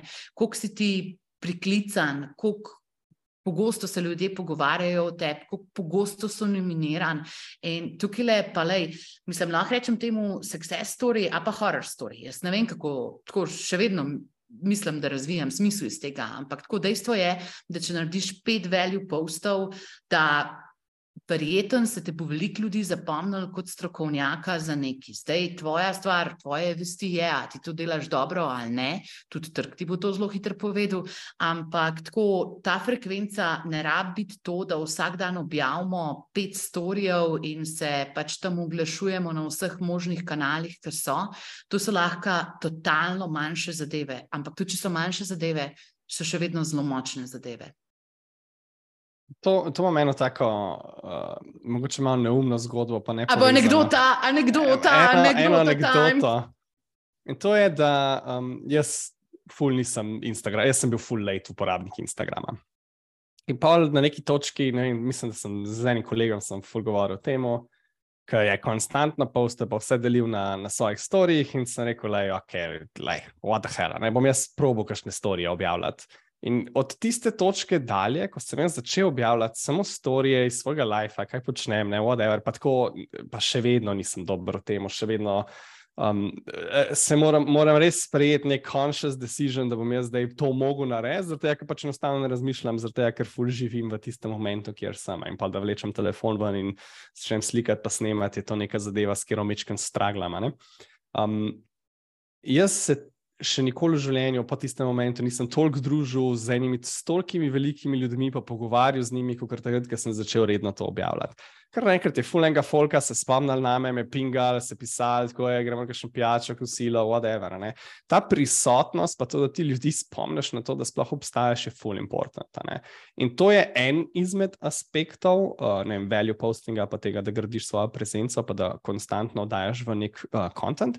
Um, to, to je ta prvi del, da sem folk spomniš na to, da ti obstajaš, je, kar je izjemno helpful. Ta drugi aspekt tega je pa, da Um, pa, ok, klej bo, klej bo malo, klej, klej imam dve osebi na, se, na svojih ramenah, ena je hudiček, ena je pa en mali angelček. Deva se skrega, uh, tako nisem še se skregala v tem podkastu, tako mogla bi se. in, in, in to je, da moj mali perfekcionist, tim, tim bo rekel, da, da pač vsaka objava, ki jo daš ven, mora biti perfektna in mora biti ful dobra in imaš ful velik ljudi, ful velik naučiti. In so ful dobri argumenti za to. Zato, ker pač, če boš ti objavil totalno, totalen krep, na, na, totalen garbage na, na social medije, se bo folk um, zapomnil to. Folk, uh, tako, to, mogoče tudi iz srednje šole, če pomisliš na, na ljudi, ki jih uh, poznaš iz svoje srednje šole. Ne? Tvojem, on, on, zate so ti ljudje ostali na tistem nivoju še vedno. Ne? Oni so, to je že dolg cajt od tega, razvili so svoj life, ful so napredovali, so, so se že konkretno spremenili, ampak v tvoji glavi se niso spremenili, v tvoji glavi so še vedno taki, kot so bili takrat. In zdaj, če ti objavljaš garbage, ne, si bo ta prvi vtis, ki ga boš ti dal ljudem, uh, bo točno to. Okay. Bolj amaterne, ne znajo tako dobro delati, ne ve čisto, kaj dela. Lej, je to um, dovolj, da dobiš kakšno stranko, tudi če objavljaš garbič? Ja, je, jaz mislim, da ja.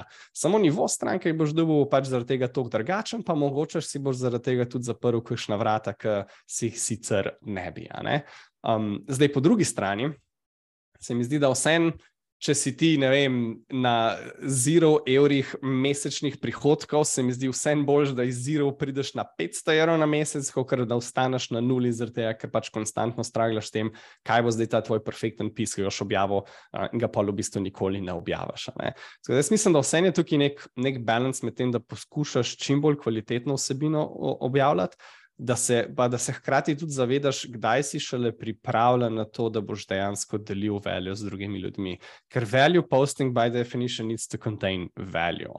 In če ti nimaš value, če je tvoj value posting samo prevajanje stvari, pa člankov iz tujine, Um, pa ne pravim, da to ni nujno, uh, da to, ni nujno uh, da, to, da to ne bo uspelo ali pa da ne bo delovalo v vseh primerih. Jaz mislim, da pač za določene kaj se bo, ne? Ampak si pa hkrati s tem tudi v bistvu zapiraš neka vrata, ki si jih sicer ne bi zaprl. Ne? Um, zato moje osebno mnenje čistko, je, da hočeš najprej dati v prakso, pa malo postraglati, pa si na roke sam poiskati, ali po jobbordih, ali pa tako naprej poiskati prve stranke, ne, da dati to v prakso, imeti kašne uvine, testirati se, full truditi na začetku. Skozi se hočeš truditi, ampak spohaj na začetku se hočeš pa ekstremno truditi, veliko uh, probavati, tudi če zaradi tega zapraviš bistveno več ur na nekem projektu, kot si jih ti sploh računal. Um, ampak, če lahko iz vseh teh ur, ki jih ti vlagaš v nek projekt, dobiš nek insight, ki bo helpful, ki bo zanimiv nekemu uh, večjemu občinstvu, pa potem to deliš z drugimi, se mi zdi, da je to ta pravi recept. Recimo, pr, vsaj za me osebno, ne, jaz ko gledam na te stvari, je to, je to ta pravi recept za.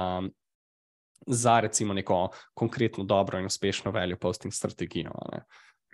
Sem tim tako, ne smejo se mi do šest, ki si rekel, če prevajamo določene članke, zaradi tega, ker jaz sem pač skočil imela svojo prvo interakcijo z Robijem in to je ta AI tool, ki ga bova linkala v epizodo, ker smo ga pač oba dva se precej navdušila nad njemu. In jaz sem pač tako rekla Robiju, pač tako ne piš LinkedIn post. Folk se je začel tam engageati pač tako folk je začel to komentirati. Mislim, a veš, določene stvari, kot da je tudi prekletstvo znanja. Pa tukaj apeliram predvsem na starejše, na izkušnje ljudi, ne pač na tiste, ki točno začnejo, ampak mi vsak dan tok pa tok ur razmišljamo o enih stvarih in ene stvari, ki so nam totalno bazične, totalno samoumevne, so nekomu drugemu lahko največji moment realizacije, ki jih je imel v zadnjih treh mesecih. Včasih tudi malo podcenjujemo globino svojega znanja, oziroma kaj je vrednost, zaradi tega, ker smo sami preveč, preveč noter. V tem svojem svetu, pač skozi to razmišljamo. In tudi, naprimer, ki si ti rekel, kart Benjamin sekvence, pač kako se pač to stranko, ki je zapustila košarico, prepele potencijalno nazaj. Zdaj, tebi, jaz verjamem, da po vseh teh letih to ni več tako orto zanimivo. Ampak nekemu podjetju lahko pa to spremeni life. Tako isto vidim jaz na LinkedIn-u. Mislim, sprašujemo je, kaj objavlja. Mislim, jaz ti lahko dan zelo 50 tem, pa pač če si ga robija še nažgeva. Jih dobiš 500. Ampak v vsakem primeru mi je pa tisto, veš, tudi Kdaj se je mogoče malo strok sam do sebe? Mm. Jaz pač mhm. mislim, da si pravilno izpostavil, da kakovost mora biti, ampak mogoče ti sam sebi nisi nujno najboljši filter kakovosti. In tukaj se pa jaz spet na svoj pan zanesem, na moje kolektivne možgane in pač to, ne vem, pošljem parim kolegom pregled. Pač tako, je to nekaj tanskega, ki so dobili vrednost v tem, a je pač kakšna taka, mislim, napaka v miselnosti, ki bi jih mogli upraviti. Po vseh teh letih zelo intenzivnega dela na družbenih omrežjih, bi skoraj preferirala konsistentnost nad kakovostjo, zaradi tega, ker večina konta, ki je tam, je zelo, pa, pač, to je tudi tako, mislim, nekaj tasga, ki so splošne življenjske resnice. Jaz s tem rečem, da fortune cookie wisdom. Pač nekaj, ki se ne mogoče strinjati, ne strinjati s tem, zaradi tega, ker je pač tako absolutno res, ker je tako bazično, ker je tako pač tako neugodno. In tukaj ja. pač ja, če nočeš biti del tega. Uh, fortune cookie ki dom streama, dokumentiranje, kot so prej rekla, je najboljša taktika, kako lahko stvari delaš drugače. To, da imaš en svoj, mislim, jaz temu rečem, bord, se pravi, svet teh ljudi, ki jim jaz zaupam, da lahko pogledam, da lahko testiram določene ideje ob njih, da pač tako imam možgane, ki so višji od mojih, a ne, ker moji možgani so mogoče preveč zasit, zacikljeni v določenih strokovnih temah. Pa pa še ena stvar je, rataš boljši, ko to delaš. In prve stvari, verjetno, ne bojo glih tako spektakularne. Mislim, super, če so, pač tako čestitke, če so vrhunsko, pač res. Krasno, ful vam prvoščem.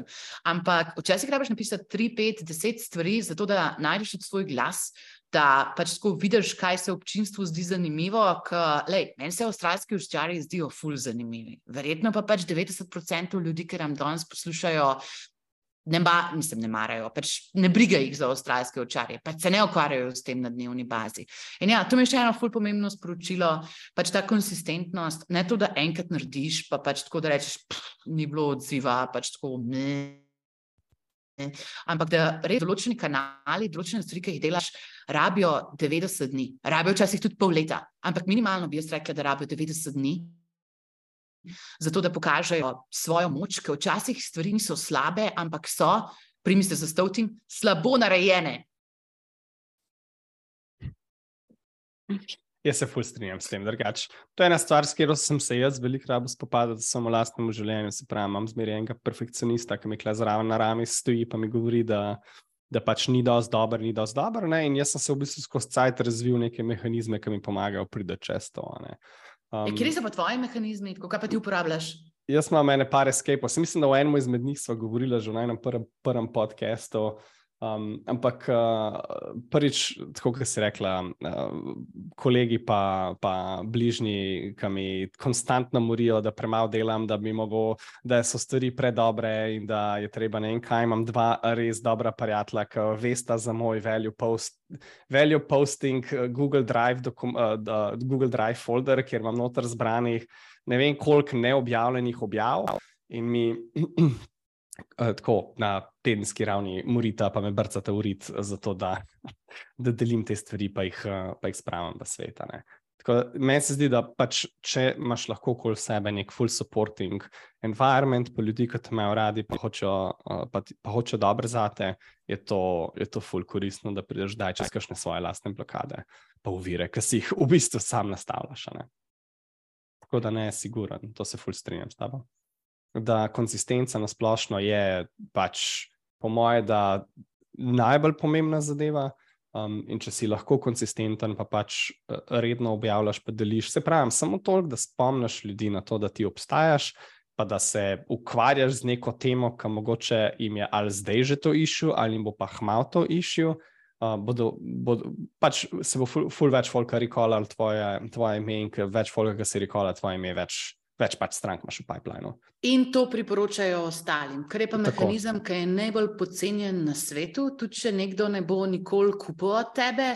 Pač tako, vem, zdaj, če bi me kdo vprašal, pač tako, koga bi priporočila za e-mail marketing, po vseh mega urah interakcije s timom predsedov, je pač to normalno edino ime, ki bi pridel na pamet. Pač tako, lej, mislim, je še par imen, ampak pač to je prvo ime, zaradi tega, ker pač imamo vzpostavljen odnos in To, to je stvar, ki jo bom povedala 50 drugim podjetjem. Še enkrat, kako kupujemo vrata za nadvorišče, tako da vprašaš ljudi, ki jim že zaupaš, kaj bi ti priporočili. Valjda, se to je, to je iz te knjige, ki smo jo oba pripravili, The Coaching Habit. Pač, um, no, jaz še nisem. Aha, ok, še nisi. No, ampak tam je, tam je prav specifičen segment o tem, kako folk refera druge ljudi. In iz te knjige sem se tudi naučil, da v bistvu ti ne rabiš nagrajevati uh, referalov. Ne? Ti ne rabiš neki stranki reči, lepo slišiš, če mi prbelaš stranko, ti dam tak pa tak popust. Zakaj? Zato, ker že samo dejanje priporočila, ne, to, da ti v bistvu, recimo, ne, jaz imam enega kolega, ki stragla z enim problemom in ta kolega me vpraša, hej, imaš nekoga, ki mi ga lahko priporočaš za to. In če jaz nekoga priporočim, ne, sem jaz s tem v bistvu že boljši spadal v očeh svojega prijatelja, sem mu že naredil uslugo, jaz sem kuli spadal, pa je spadal sem kar nek problem solven za njega in on je fulj zadovoljen nad tem, um, kar v bistvu pomeni, da jaz v bistvu ne rabim biti dodatno nagrajen za to, da nekoga specifično pred, pred, uh, uh, predstavim ne, ali pa povežem ali pa referam.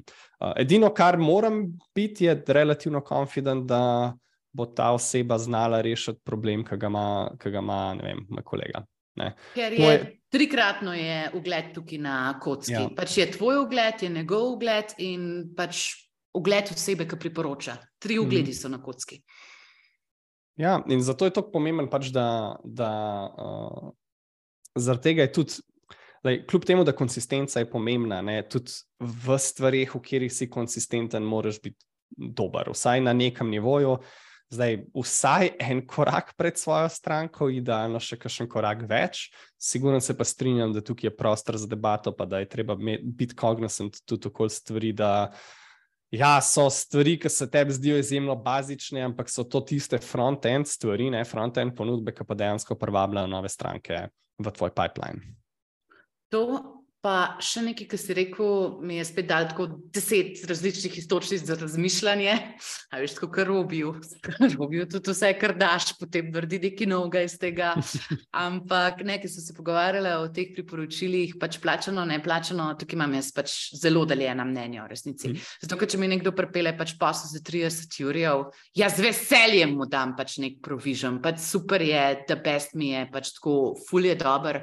Po drugi strani pa kaj udarše, je pa recipročnost. Ker včasih je treba pa sam začeti verigo. Naprimer, mi dva sva lani skupaj delala na enih rekrutment projektih, a ne, ki si imel pač ti še službo in pač ti, ki si zaupal poslu meni, se jaz počutam ne moralno dolžna. Pač jaz moram vedeti, da si ti tudi dober, kot si ti to izpostavil. Ampak tako, če ti meni narediš slugo, je to bolj verjetno, da bom jaz tebi tudi naredila uslugo, oziroma o moji mentalni bilanci. Um, se ne, da pač tako za svoje prijateljstvo vrednotam čez pluse in minuse, kaj je kdo naredil za koga, ampak ja, čutim neko dožnost. Pač tako ta človek je meni naredil nekaj ful dobrega, zdaj valjda bi jaz tudi njemu pač rada pomagala, da se v redu razvija naprej, ker je meni on stvaril pač vrednost. Ne, s tem se totalno strinjam, ker um, tudi jaz, recimo, pa sem največji fan, ne vem, Klavija, Stemta, pa tako naprej, pa jih z veseljem priporočam naprej, ampak uh, kljub temu imajo program, affiliate programe preko katerih v bistvu plačujejo nagrade, folko, ki rifera stranke. Um, jaz bi tako ali pa drugač strankam riferil to, ampak mi pa, mi pa ni nič bed za to, da sem 10 tisoč evrov lani zaslužil samo iz teh riferov. Pač, ja, pač dodatno, dodatno, samo nek dodaten benefit se mi zdi, zaradi katerega sem jaz samo še bolj zadovoljen, še raj priporočam naprej. Tako da ne, siguren je, hočem samo reči, da ni to predpostavka, pa ni to čist absolutno nujno. Zato, ker folk ima že nek benefit od tega, da tebe priporoča, če je konfident, da boš ti nekomu rešil problem. Ne, to pa meni super in tukaj spet pač tako. Mislim, da so že toliko enih uporabnih tehnik danes naredila in dokumentiranje, value posting, priporočila, to, da se je treba na osebno mrežo zanesti, to pač kako se naredi mini offer. Zdaj pa mora spet iti nazaj k Robiju in njegovi skripti, tim, aj še kaj tazga, ki so danes pozabili povedati. Aj tako Robi imel za največ kakšno vprašanje, k, za katerega misli, da je vredno, da ga deliva s poslušalci. Eno parih je, po mojem, da če se je loga tudi sproti vprašala, pa vidim, ampak uh, jaz sem takrat si copy-pastil še njegova vprašanja, pa je rekel, ok, recimo za vrnitvijo, ne? to je recimo po mojem, da je ena taka important zadeva, ne vem, nekaj pisal o motivaciji, vem, da, ker like, kot freelancer se ne rabiš biti sposoben svoj cajt fajn zorganizirati, pa pač ostati fokusiran na tem, kar delaš. Um, Pol mogoče te najbolj pogoste napake, Pa, če imaš, eh, pa, ja, pa kaj, kakšne nasvete, kakšne nasvete bi, imel, bi imela, recimo, za nekoga, ki bi rad v 2023 postavil svoj freelancing biznis? Uh! Tako dobre teme, da je jaz sem ful. Se pravi, jaz sem ful navdušen, jaz sem ful navdušen nad tem orodjem, pa je javna splošna. Mislim, jaz sem že to... javno povedala, da mi v robi vzel službo. Ja. Pač Skoraj si dober. ne, nora je tehnologija, nora, kaj se da že z njim delati na tej točki, sem pa še ful excited, da vidim, kaj, kaj bo še, kaj še prišlo. No, na kaj greva zdaj naprej? Ej, ne vem, če se en lahko. Ja, ne, zdaj boš pa ti moderiral pogovor. Zdaj sem pač zblaj, uro okay. pa v vlogi voditeljce, zdaj pa je tim, da show master. Ok, v redu, dej uh, pa pa mogoče, dej vam nekaj reči o, o, o motivaciji pa time managementu. Vem, da to je bilo meni osebno ful pomembno pa instrumentalno za, za pušanje svojega biznisa pa sebe naprej, um, pa mogoče lahko temu mečkam predebatiramo. Sure. Par stvari je, mislim, da danes je bil Andrej Pršolja pri meni na letnem planiranju in mi je dal tako super mentalno vajo, ki jo fuz veselim delim z vami. Se pravi, je tork, naslednjo leto. Tork je zelo brezvezen, tam pač tork je kar nekaj, pač tako ne bi si ne naredili kakšnih ful super planov za torka. Tako, kako bi rad živel, kdaj bi rad vstal, koliko ur bi rad delal, tako, s kom bi se rad družil, tako, kako hočeš, da tvoj life zgleda. In ne samo zdaj te highlighti, ja, veš, mislim, kje gremo, kje pijemo aperole, kje pač jemo, ampak um, tisto, kako bi rad, da poteka tvoj dan. A se hočeš zbuditi ob šestih, a se hočeš zbuditi ob desetih, a hočeš delati 16 ur, a hočeš delati 6 ur. In ker si enkrat narediš to vizijo popolnega dneva, vse ostale odločitve, ne bom rekla, da ratajo banalno lahke, ampak lažje se odločaš ja ali pa ne. In tukaj, če gremo naprimer nazaj na koncept redne službe, jaz imam naprimer bioritmično blazno, blazno, blazno probleme s tem, ker jaz se lahko zbudim ob štirih, lahko se zbudim ob petih, ob šestih in če se pisarna prebudi ob devetih, jaz imam štiri mrtve ure.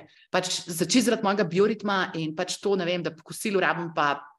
Ko sem 70-letna gospa, ne se ne potok, um, mička več počitka, ne? da pač težko, težko, težko jaz sama sebe, pa čisto svojo energijsko raven, pa svojo produktivnostjo raven temperam od 9 do 5. To se meni osebno ne zdi dober ritem in to, da pač vse zvečer je pol nažigam doma še računalnik in delam sobote, pa nedelje med vikendi tam zraven, mi pa spet pač tako ni zdravo, oziroma ne dobim dosti nagrade za to, da bi to res delala. Ajde, če bi bila lasniški delaš, ajde, ampak tako za neko tako plačo navadno, pa se zdi meni to pač tako eno tako življenje, ki.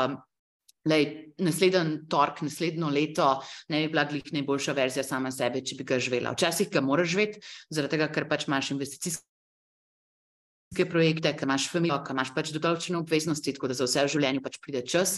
Ampak, pokaj si pa enkrat na točki, ki lahko spremeniš, oziroma zasleduješ spremembo, pa je ta logika tega, da pogledaš, kje bi rad bil v torek naslednjo leto.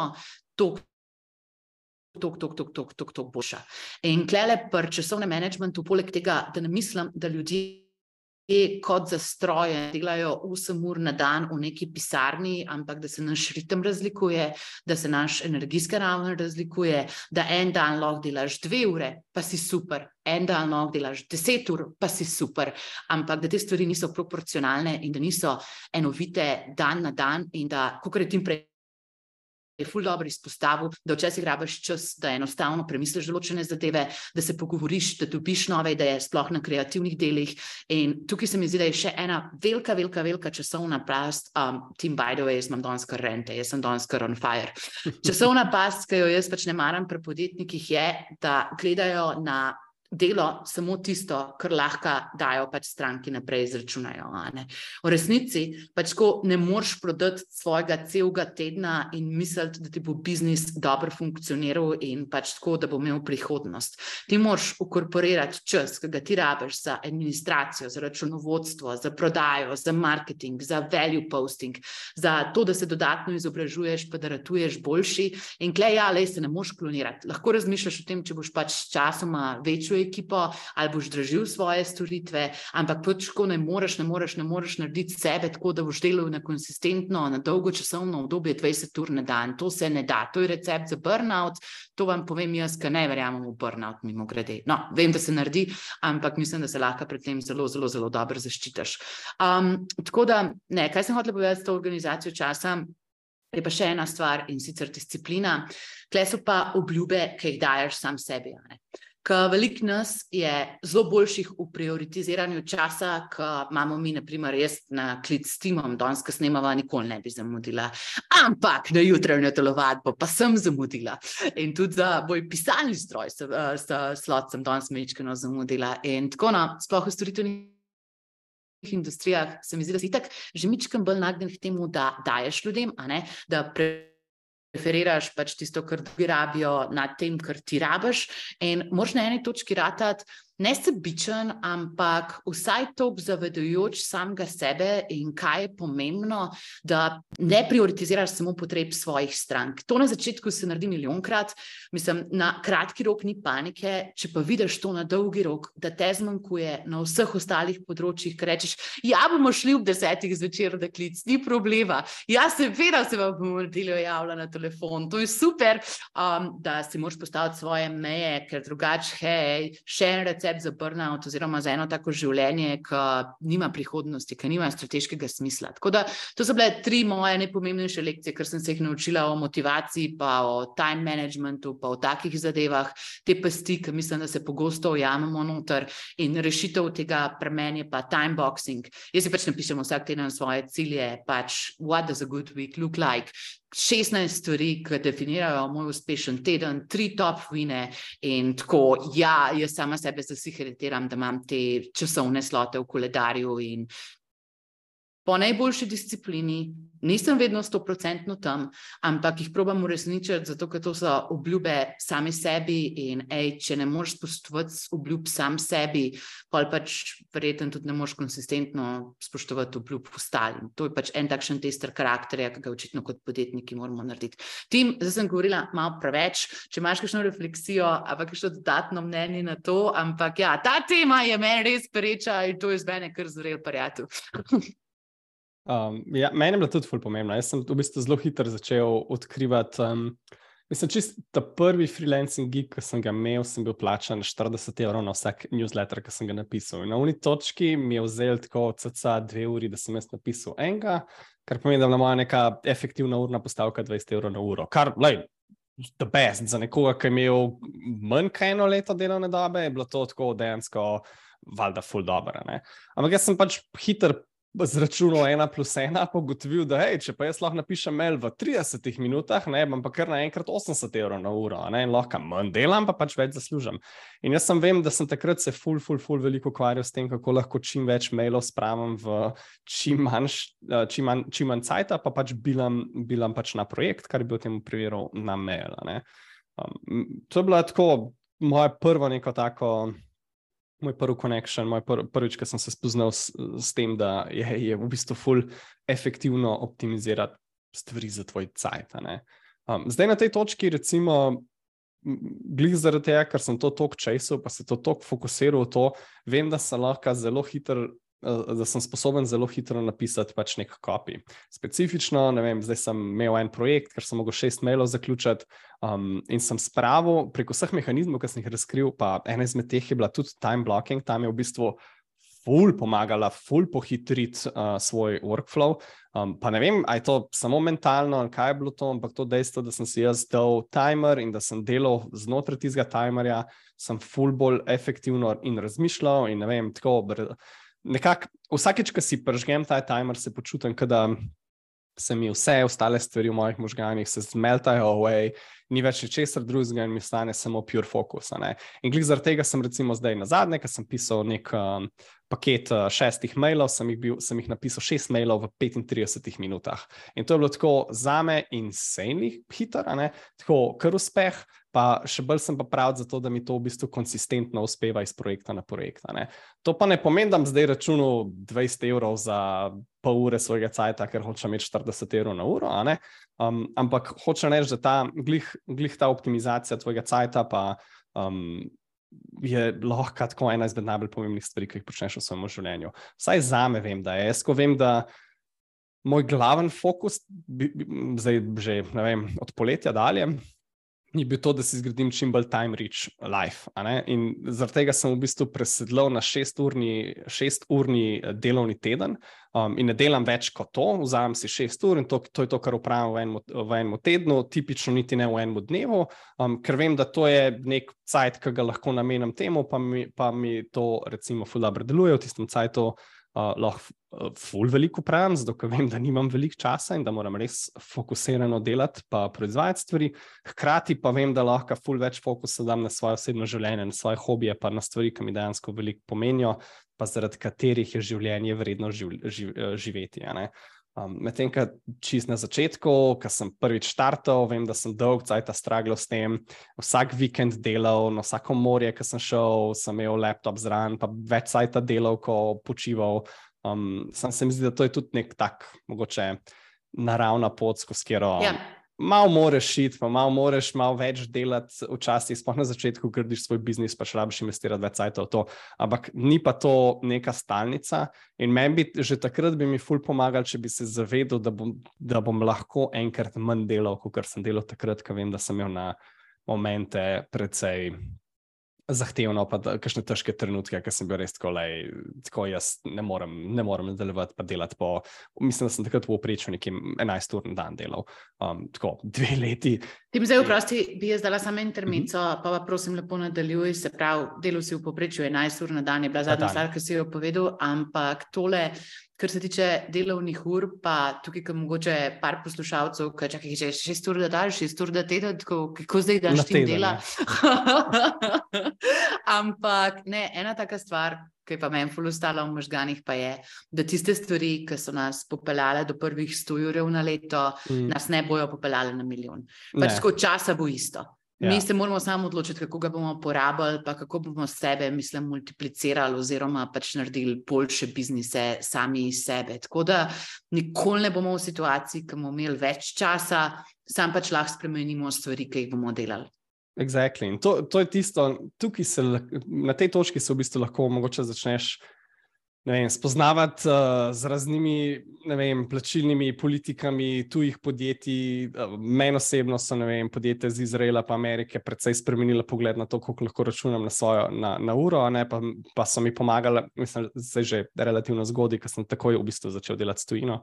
Sem, sem odkril, da naše postavke pa pač uh, za to, kar te slovenske podjetja plačujejo, pač enostavno te, te stvari niso mogoče ne, na, na tem nivoju. Medtem, lahko si tukaj, pa lahko delaš za izraelska podjetja, lahko delaš delaš za ameriška podjetja, kanadska, lahko delaš za avstralska podjetja. Dobro, avstralska so res mogoče najbolj zahtevna zaradi time zone difference, ampak, um, ampak pač te stvari se da in to je tisto, ko, pa, ko začneš spoznavati tujino, pa ko vidiš recimo ne vem, koliko računajo za neko delo um, tvoja, tvoja konkurenca iz drugih držav, ne, takrat se v bistvu začneš zavedati tega, da v bistvu, hej, se v bistvu v življenju Slovenije ful pocen, koliko pa ti dejansko rabiš zaslužiti, v bistvu koliko kurs sploh rabiš upraviti in kar enkrat prideš lahko do enega recepta za full bolj time rich life, kot ga ne vem, živiš na tej točki.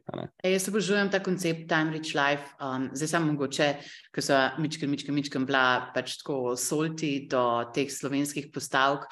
Pač kaj tukaj s timom mislva je, da pač ne vem, vsakič, ko vidiš to, da ti bo ne vem, nekdo vodil TikTok. Pa imel milijonov gledov, s tem, da ga boš ti plačal 6-7 evrov na uro, stoji pač tako. Hm, hm, hm. V redu, pa se mogoče za začetek, za koga, ampak to na dolgi rok, pač glede na urednost, ki jo ta oseba ustvarja, ni niti približno proporcionalno. In imamo, mislim, visoko tehnološka podjetja, imamo par dobrih e-commerceov, ki se zavedajo, mislim, ki so čist na globalnem trgu, ampak, ko kar ne ben moj intern ni plačan, če se le da pač pod 10 evrov na uro, tisto. Drugače se človek obnaša, kadar je dobro plačen, kot takrat, kaj ne. No. To je moj point. Nesiguren, pa sej vem, ne, tudi iz svojih lastnih strank vem, da so slovenska podjetja pripravljena plačati um, iste cene kot ameriška podjetja za neko storitev, ki jim prinaša pač ogromno vrednosti. Ja. Um, zaradi tega se mi zdi to pomembno, da pač Okay, ne na začetku, tako če si iskren, jaz mislim, da tako ne. na začetku ne moreš ti chargeati by the value you create, ampak na neki točki, ko pa presedlaš na recimo value-based pricing sisteme, lahko pa hitro v bistvu zaslužiš, predvsem veliko več, kot kar. kar um, Ti sploh dobiš feedback, ljub, kakšen value ustvarjaš. Veš, tako, na ja. začetku pač, ko se sam lahko najbolj potrudiš in rabiš itak, mislim, tako, kakšni so bili pa rezultati, kako se je pa zdaj to razvilo. Tako, mislim, zračunala sem dva jurja, zato da je podjetje naredilo 200 jurjev. Aj to kul, cool, a bab tukaj še luft, a puščam denar na mizi, tako, kaj se zdaj tukaj dogaja. Tako, res se mi zdi, da rabiš nekaj na začetku, da dve solju, pa da pol vidiš, kaj se naredi. No. Exactly. Uf, a so zdaj že tako malo stara, ta pa stara mama. a že tako malo rent fest. Ne, še. Ne, to pa pa 40. Zdaj sem užalil, da še ne tvoje poslušalce. Ne, moji poslušalci so zakon, oni so veliki pragmatiki in um, radovedni in mladi po srcu, tako da me sploh ne zanima, koliko so stari. Uh, jaz pa že vem, da oni so tukaj le na svoji questu radovednosti in to, da si plemenitijo ur, um, kar nas dela mlade po defaultu. Tako da, lej, a je še kakšna taka stvar, ki se ti zdi, da jo moramo nasloviti do nas? Oh. Ko kva še razmišljava, aerobike je rekel, tako, kaj nam je še zmanjkalo, ker mislim, da so bila že zelo obsežna. Ja, neki so že pokrili, ja, tako se mi zdi, da smo imeli. Ne vem, koliko cajt so zdaj že. Ampak, uh, Ti veš, da snemamo eno uro pa pol. Eno uro pa pol že snemamo. No, vem, kaj pa. Ja, ima vsakeč dolge, dolge pogovore. Ja, ne vem, se, mislim, klej te, klej, klej tem je dejansko ogromno. Tukaj je fulejnih ja. stvari za predebatirati, pa tako eh, samih strategij, pa tako naprej, kjer bi se lahko spuščala, samo ne vem, koliko hočeva iti klej zdaj v. Ne bova še prišla nazaj. Bova še prišla nazaj, pa bova pobrala kakšno vprašanje, pa bova povedala še kakšne take stvari, ki nas zanimajo. Sprav, zdaj, sam če povzameva to, kar smo se danes pogovarjali. Jaz mislim, da je bil to en takšen super uvoden pogovor od tega, da te srpi, da bi šel neki freelancer pa delati tako zraven, in do tega, da imaš mogoče mentalne ali kakšne druge blokade. Tako da tukaj par mehanizmov smo dal. Um, zdaj pa, mislim, kako lahko poslušalci nadaljujejo to potovanje? Tako, kaj je naslednja stvar? Zdaj mogoče so jih inspirirala in so si napisali par idej, kaj bi lahko razvili, kva pa zdaj. To je v bistvu ful dobro, ful dobro vprašanje. Mogoče, vem, da sem zadnje cajt tako malo len, pa ne, ne delim neki ful velik znanja, tako mogoče bi si pa lahko vzel to za mojo inspiracijo, pa malo več, malo več napisal, pa malo več delil o tem, ker mislim, da duet, bi to duet, duet. No, lej, bom, bom si vzel to za svojo 2023 za obljubo, pa, pa obljubim, da bom večkrat več konta na to pripravil, prav specifično to temo, pa da vidimo lahko. Um, kam bom to delil, bo pa po mojem, da učite na odgovor, to po mojem, da kar v Growth Hacking Sloveniji opustite. Tako da, če še nisi član Growth Hacking Slovenije, po mojem, najbolj da uh, na ta način to, to, to speljamo naprej. Kaj praviš? Pa na tvoje Insta stories, ne? Ja, tam, tam imam zadnje cajte bolj take. Mm, bi rekel, mlade žurerske uh, objave od uh, raznih uživalcev iz mojega življenja, ne specifično biznis. Čeprav Kot poznam ljudi, ki, ki, ki rasturejo na svojih, uh, rasturejo v svojih storijih, vem, da se tudi to, predvsem, velikokrat uporablja tudi za, za pičanje strank in, in, in svojih storitev in samega sebe, in tako naprej. Tega ne delam, mogoče bi mogel več delati, ampak ja, lej, Le, se ne bel ni popoln, ti si že Točno na svojem to, ja. šesturnem delu. Ne rabiš biti, se to je point, se glih to je point. Ne, ne rabiš biti, ne rabi vsaka stranka najbolj zadovoljna delo s tabo, ne rabi vsaka stranka zadovoljna uh, s tem, koliko je plačala za storitev. Um, fajn je, da jih je čim več, ne, ampak. Ja, uh, mora biti kritična masa, mora biti problem v biznisu.